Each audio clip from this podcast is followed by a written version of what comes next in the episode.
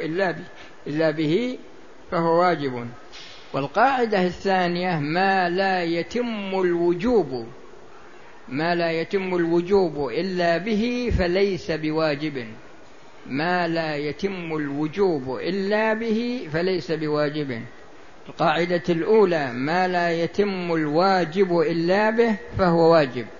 والثاني ما لا يتم الوجوب إلا به فليس بواجب.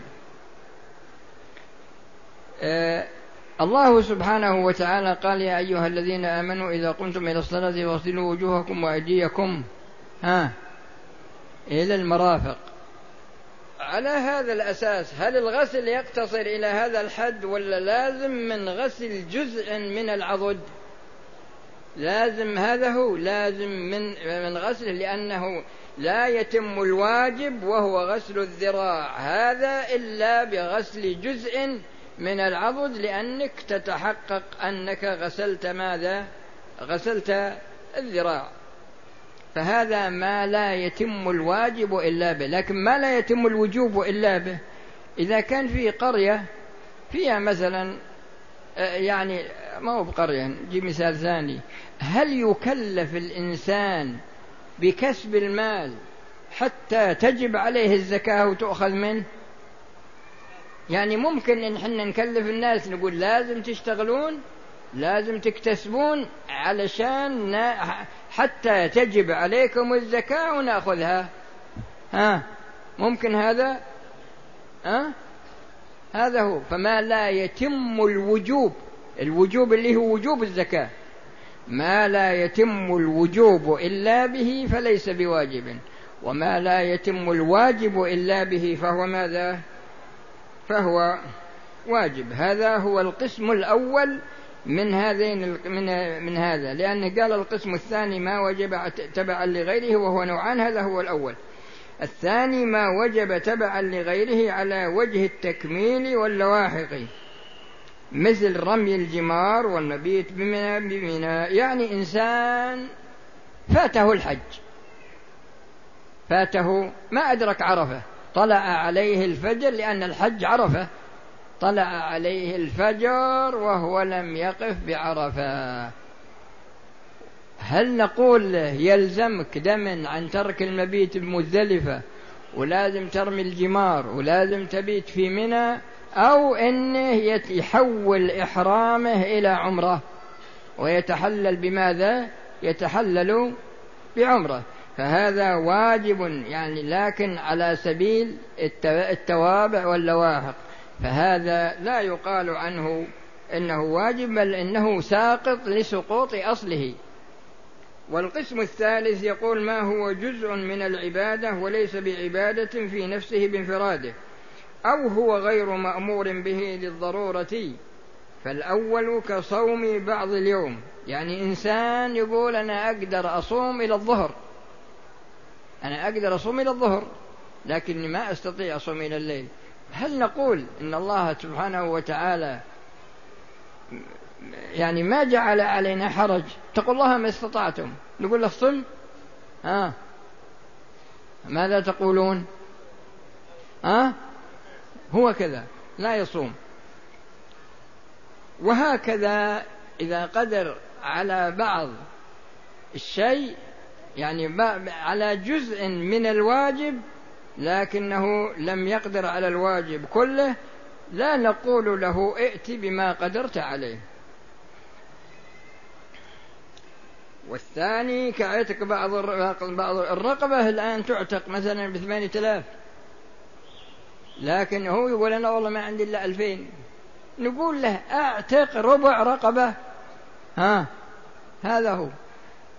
القسم القسم الثالث هو كما سمعتم. القسم الرابع ما هو جزء من العبادة وهو عبادة مشروعة في نفسه فيجب فعله عند تعذر فعل الجميع بغير خلاف.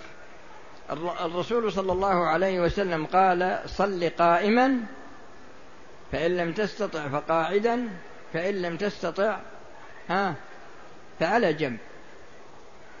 ف أسقط الأركان. أركان من أركان الصلاة. القيام ركن. صل قائما. فإن لم تستطع فقاعدا. فإن لم تستطع فعلى جنب. إنسان ما عنده سترة. أبد. إنسان ما عنده ماء ولا عنده تراب. ما عنده ماء يتوضأ ولا تراب يتيمم. هل نقول صلي؟ أو نقول اترك الصلاة.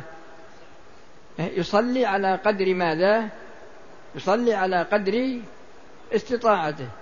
إنسان عاجز أن يهتدي إلى القبلة بسبب وجود غيوم أو بسبب جهل ما يعرف ما ما يعرف الأدلة التي يستدل بها.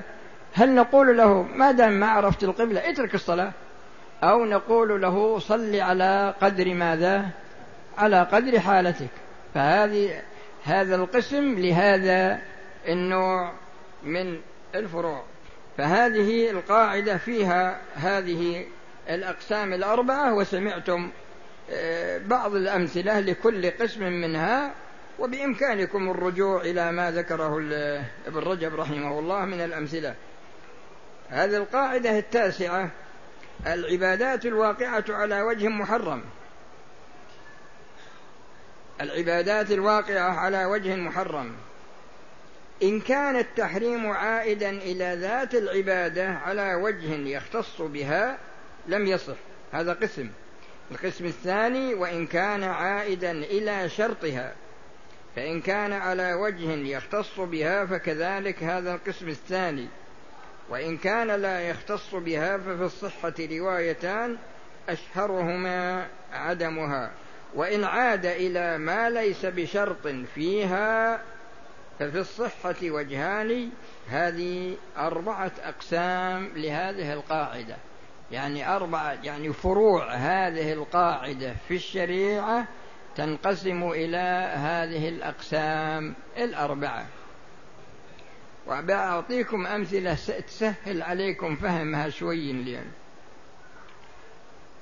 الآن الصلاة. الصلاة. لها مثل صلاة الظهر كم ركعة؟ أربع. طيب فيها أركان؟ لها أركان ولا ما لها أركان الصلاة؟ ولها شروط؟ ولها واجبات؟ كذا؟ إيه. عندما يصلي الإنسان الظهر ثلاث. عمدا صلى ثلاث تسليمات عمدا. هل نقول إن صلاته صحيحة ولا هذه صلاة منهي عنها؟ ها؟ منهي عنها. لماذا؟ لتخلف جزء نعم هو كذا لتخلف جزء من أجزائها. طيب.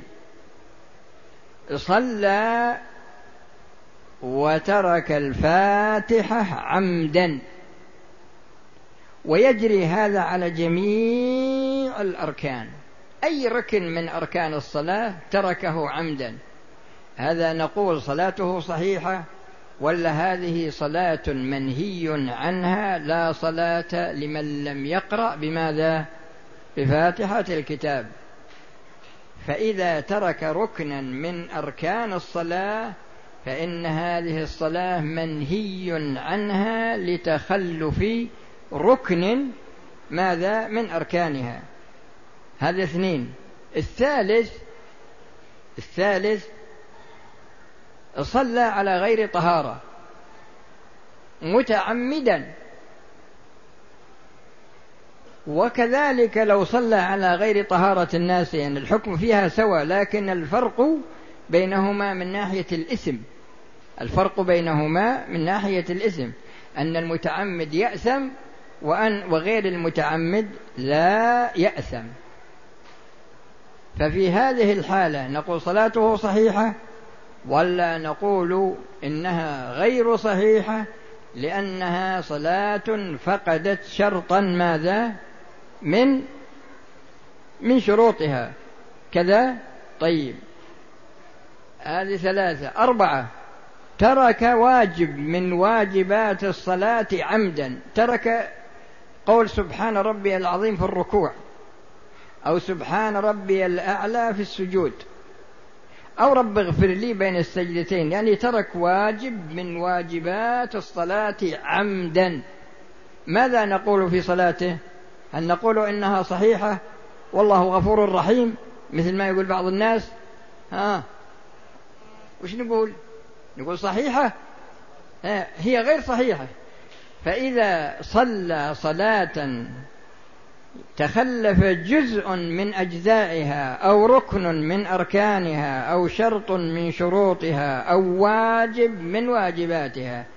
فهذه الأقسام الأربعة كلها جاءت على وجه محرم. كلها جاءت على وجه محرم لأنها غير مشروعة. لأنها غير مشروعة. فصلى ثلاثا صلى تاركا ركنا أو أكثر عمدا صلى تاركا شرطا أو أكثر عمدا صلى تاركا واجبا أو أكثر عمدا. فنقول إن صلاته هذه أي هذه الصور الأربع كل صورة منها تعتبر داخلة في هذه القاعدة لأنها جاءت على وجه محرم. يبقى بعد ذلك إذا اقترن بالعبادة وصف محرم. إذا اقترن بالعبادة وصف محرم. يعني إنسان غصب أرضا وصلى فيها أتى بأركان الصلاة وشروطها وواجباتها كاملة. لكن الأرض التي صلى فيها أرض غصبها. أرض مثلا غصبها. فهل نقول إن هذه الصلاة صحيحة مع الإثم أو نقول إنها غير صحيحة؟ الأقسام الأربعة التي ذكرت لكم سابقا ليس فيها خلاف بين العلماء. لكن هذه الصورة فيها خلاف من ناحية أن صفة الغصب هل هي منفكة عن الصلاة أو أنها ليست بمنفكة؟ فمن قال إنها منفكة عن الصلاة قال تصح مع الإثم. ومن قال إنها غير منفكة قال إن الصلاة ليست بصحيحة لأن حركاته وسكناته في أدائه للصلاة كلها غصب فلا تصح صلاته. القاعدة العاشرة وهي الأخيرة لأن كل ليلة نبي كل ليلة مثل ليلة الخميس هذه نعطيكم عشر قواعد من قواعد ابن رجب. القاعدة العاشرة الألفاظ المعتبرة في العبادات والمعاملات منها ما يعتبر لفظه ومعناه وهو القرآن لإعجازه بلفظه ومعناه فلا تجوز الترجمة عنه بلغة أخرى. يعني هذا قسم والقسم الثاني ما يعتبر معناه دون لفظه كألفاظ عقد البيع وغيره من العقود وألفاظ الطلاق. القسم الثالث ما يعتبر لفظه مع القدرة عليه دون العجز عنه ويدخل تحت ذلك صور. منها التكبير والتسبيح والدعاء في الصلاة لا تجوز الترجمة عنه مع القدرة عليه. ومع العجز عنه هل يلحق بالقسم الأول فيسقط أو بالثاني فيأتي به بلغته على وجهين. ومنها خطبة الجمعة لا تصح مع القدرة بغير العربية. ومنها لفظ النكاح ينعقد مع العجز بغير العربية ومنها لفظ المقصود من هذه القاعدة هو بيان أن في الشريعة أمور تعبدية. وهذه الأمور التعبدية لا يجوز للإنسان أن يتجاوز اللفظ المتعبد. وفيه واحد من الشباب تعرفون بعض الشباب يصير عندهم طفرة شوي يصلي بالجماعة. ولما رفع من الركوع بدلا من أن يقول سمع الله لمن حمده قال الله أكبر. فسبح الجماعة ولم يلتفت وكمل الصلاة وسلم وقالوا سبحان الله يريدون أن يسجد للسهو فلم يسجد. فلما انتهى من صلاته ألقى عليهم كلمة وقال إن سمع الله لمن حمده دعاء والله أكبر دعاء. وجعل الله أكبر بدلا من سمع الله لمن حمده ليس فيه شيء. فهذه الألفاظ التكبير التسميع والتحميد وهذه هذه أمور تعبدية مع القدرة عليها. لكن إذا كان الإنسان لا يقدر على النطق بها في اللغة العربية ولكنه قادر على الإتيان بمعناها في لغته فالله سبحانه وتعالى قال ما يريد الله ليجعل عليكم من حرج وهذه الآية هي أبلغ آية في كتاب الله من ناحية رفع المشقة عن المكلفين. هذه عشر قواعد في يعني لهذه الليلة وهكذا إن شاء الله كل ليلة جمعة ليلة خميس نعطيكم عشر قواعد من هذا الكتاب. أما الآن فإذا كان في أحد عنده أسئلة يعطينا السؤال.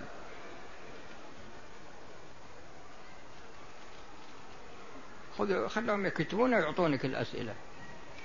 هذا سؤال يقول صاحبه ما الفرق بين الخلاف المعتبر أو الخلاف غير المعتبر؟ أولا أن الخلاف في الشريعة على قسمين قسم خلاف لفظي وقسم خلاف معنوي. والخلاف اللفظي هو الذي يمكن فيه الجمع بين القولين أو الأقوال. هذا ضابطه. أما الخلاف المعنوي فهو الذي يتعذر فيه الجمع بين القولين أو بين الأقوال. هذا من جهة. ومن جهة ثانية من هم الأشخاص المختلفون؟ ركبت مع واحد. أبلقي كلمة في مسجده. وهو يبلغ من العمر يمكن عشرين سنة. وإمام جامع يحضره ما يزيد عن ثلاثة آلاف مستمع للخطبة. وهو الخطيب. قال أنا مشكل علي ثلاث مسائل في الفقه. قلت له أنت وش دراستك؟ قال والله أنا متخرج من الكفاءة. فهو يعني متخرج من الكفاءة وضع نفسه وضع المجتهد المطلق الذي لم يشكل عليه في الفقه إلا ثلاث مسائل. فلا بد من اتفاق صفات المختلفين. اختلف الإمام أحمد والشافعي اختلف الإمام الشافعي مع مالك اختلف الإمام أحمد مع مالك لكن يجيك واحد عمره خمسة عشر سنة ولا عشرين سنة مثل واحد يقول هذا الحديث أخرجه البخاري في صحيحه مسندا وصححه الألباني. يعني أخرجه البخاري مسندا وصححه الألباني. واحد عمره سبعة عشر يقول هذا الحديث لم يصح عندي. يعني جعل نفسه إمام في الحديث. فأنا غرضي ما هو؟ لا بد من تساوي المختلفين في العلم. لا بد من تساويهما في العلم. أما إنسان ينصب نفسه لعلم الخلاف وهو جاهل في وسائل الفهم وجاهل في مقاصد الشريعة كيف كيف مثلا يأتي بالدليل وكيف يأتي بوجه الدلالة وكيف يأتي مثلا بمناقشة الدليل من ناحية ثبوته من ناحية بقائه من ناحية دلالته إلى غير ذلك من وجوه الاعتراضات التي كتب فيها العلماء كتبا موجودة. الشخص الذي يريد أن يطلع عليها ففيه من أحسن ما كتب في هذا كتاب اسمه المنهاج. المنهاج في ترتيب الحجاج. وكتاب آخر اسمه الجدل على طريقة الفقهاء لأبي الوفاء بن عقيل. وكتاب آخر اسمه المعونة في الجدل.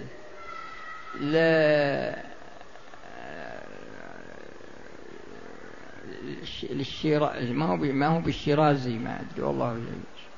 أو الزر أظن الزركشي أو على كل حال هو المعونة في الجدل وكل الكتب هذه مطبوعة وتباع في السوق. تباع في السوق. وفي كتب كثيرة في هذا الموضوع. علشان إن طالب العلم يقرأ وينظر كيف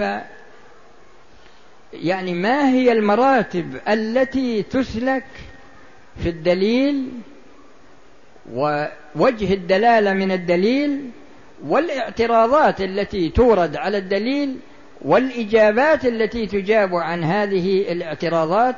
وإذا كانت هذه الإجابات تحتاج إلى إجابة عنها يجاب عنها. أما هل يختلفون يعني اختلاف عشوائي هذا هؤلاء لا ينظر إليهم أصلا.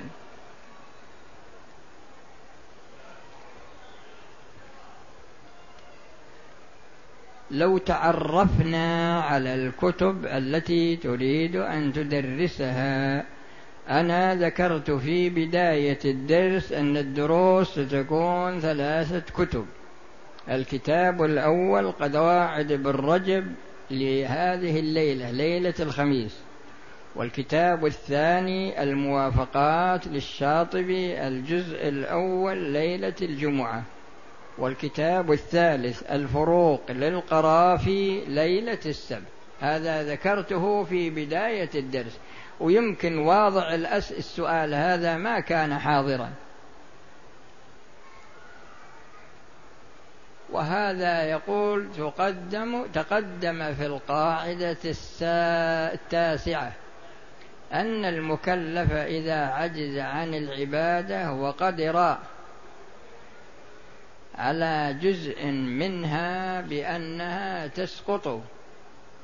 كيف يكون يمكن التوفيق بين هذه القاعدة؟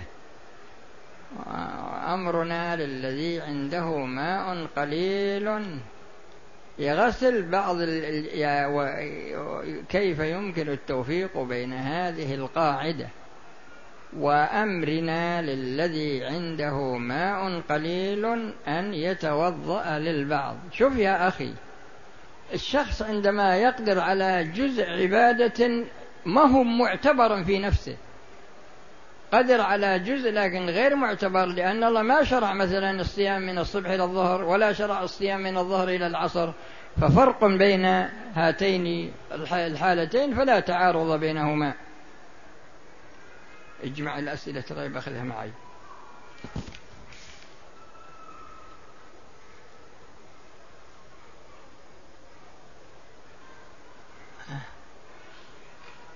وش هالكلام هذا؟ هذا يسأل السنة في وليمة العرس. أن تكون فيها والله يقوينا وياك. إن حطيتها في ليلة العرس ولا بعدها بيوم أو يومين هذا حسب العادات ما له.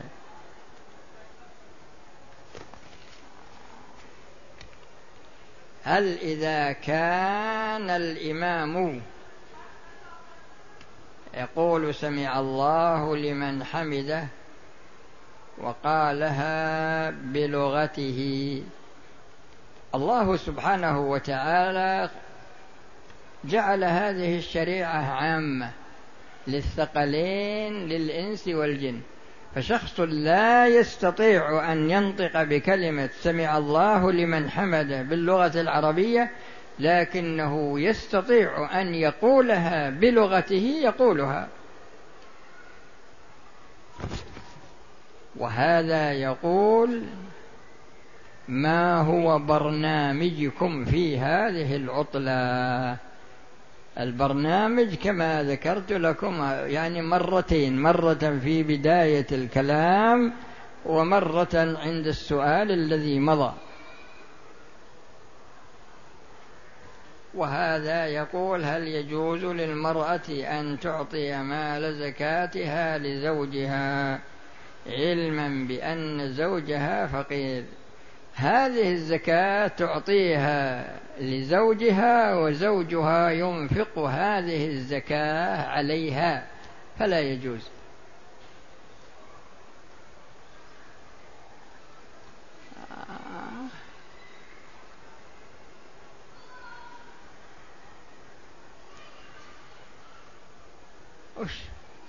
من هو أول من يستحق مال الزكاة؟ يا أخي الله تعالى قال إنما الصدقات للفقراء والمساكين والعاملين عليها والمؤلفة قلوبهم وفي الرقاب والغارمين وفي سبيل الله وابن السبيل. وش هذا؟ وهذا يقول الكثير يسأله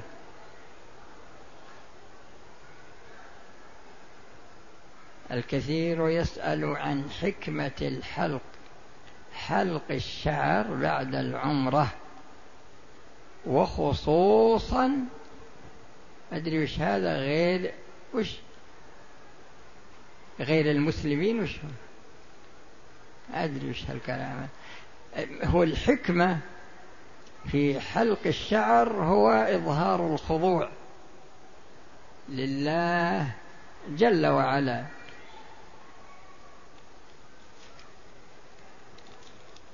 وفيه تفاؤل بتساقط الذنوب لأن الرسول صلى الله عليه وسلم قال تابعوا بين الحج والعمرة فإنهما ينفيان الفقر والذنوب كما ينفي الكير خبث الحديد.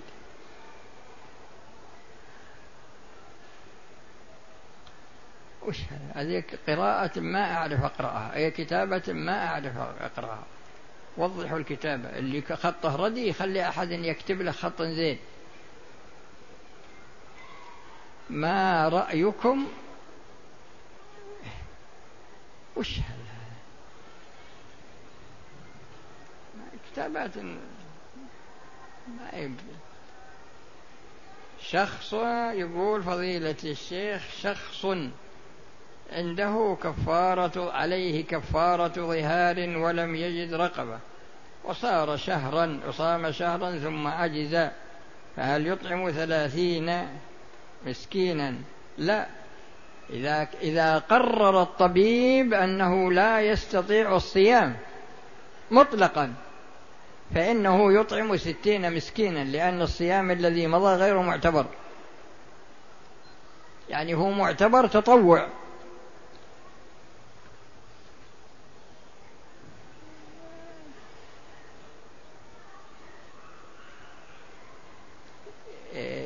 يقول إن الرجل يأتي في المسجد والإمام في حالة ركوع كيف تكميل الركعة؟ لا بد أن تركع وأن تطمئن راكعا وتقول سبحان ربي العظيم قبل أن يرفع الإمام.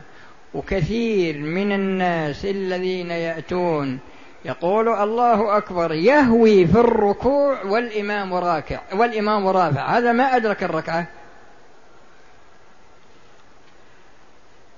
وهذا يقول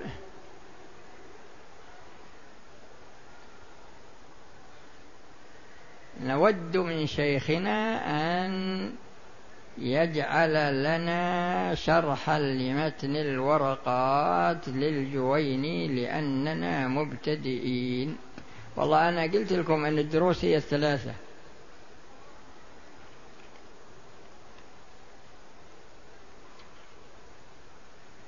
هذا يقول لماذا توصي طلبة العلم الصغار من كتب الأصول؟ هذا متن الورقات وفي قواعد للشيخ ابن سعدي الله يغفر لنا وله.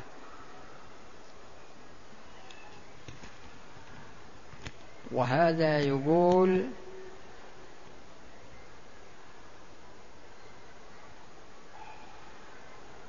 إيه هذا؟ خراطا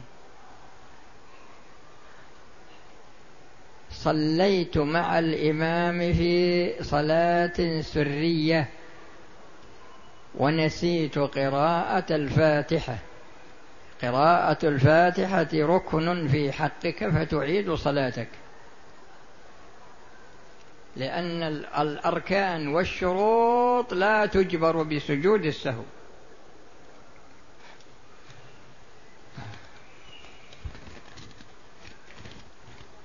وهذا يقول أن تعيدوا لنا برنامجكم في هذه العطلة فإننا لم نسمعه. أنا قلت أن التدريس سيكون في ثلاثة كتب. الكتاب الأول القواعد لابن رجب في ليلة الخميس. والكتاب الثاني الموافقات للشاطبي في ليلة الجمعة. والكتاب الثالث الفروق للقرافي في ليلة السبت.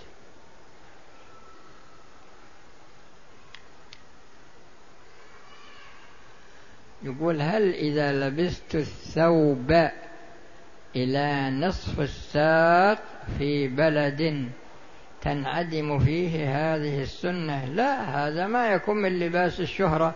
هذا تعليم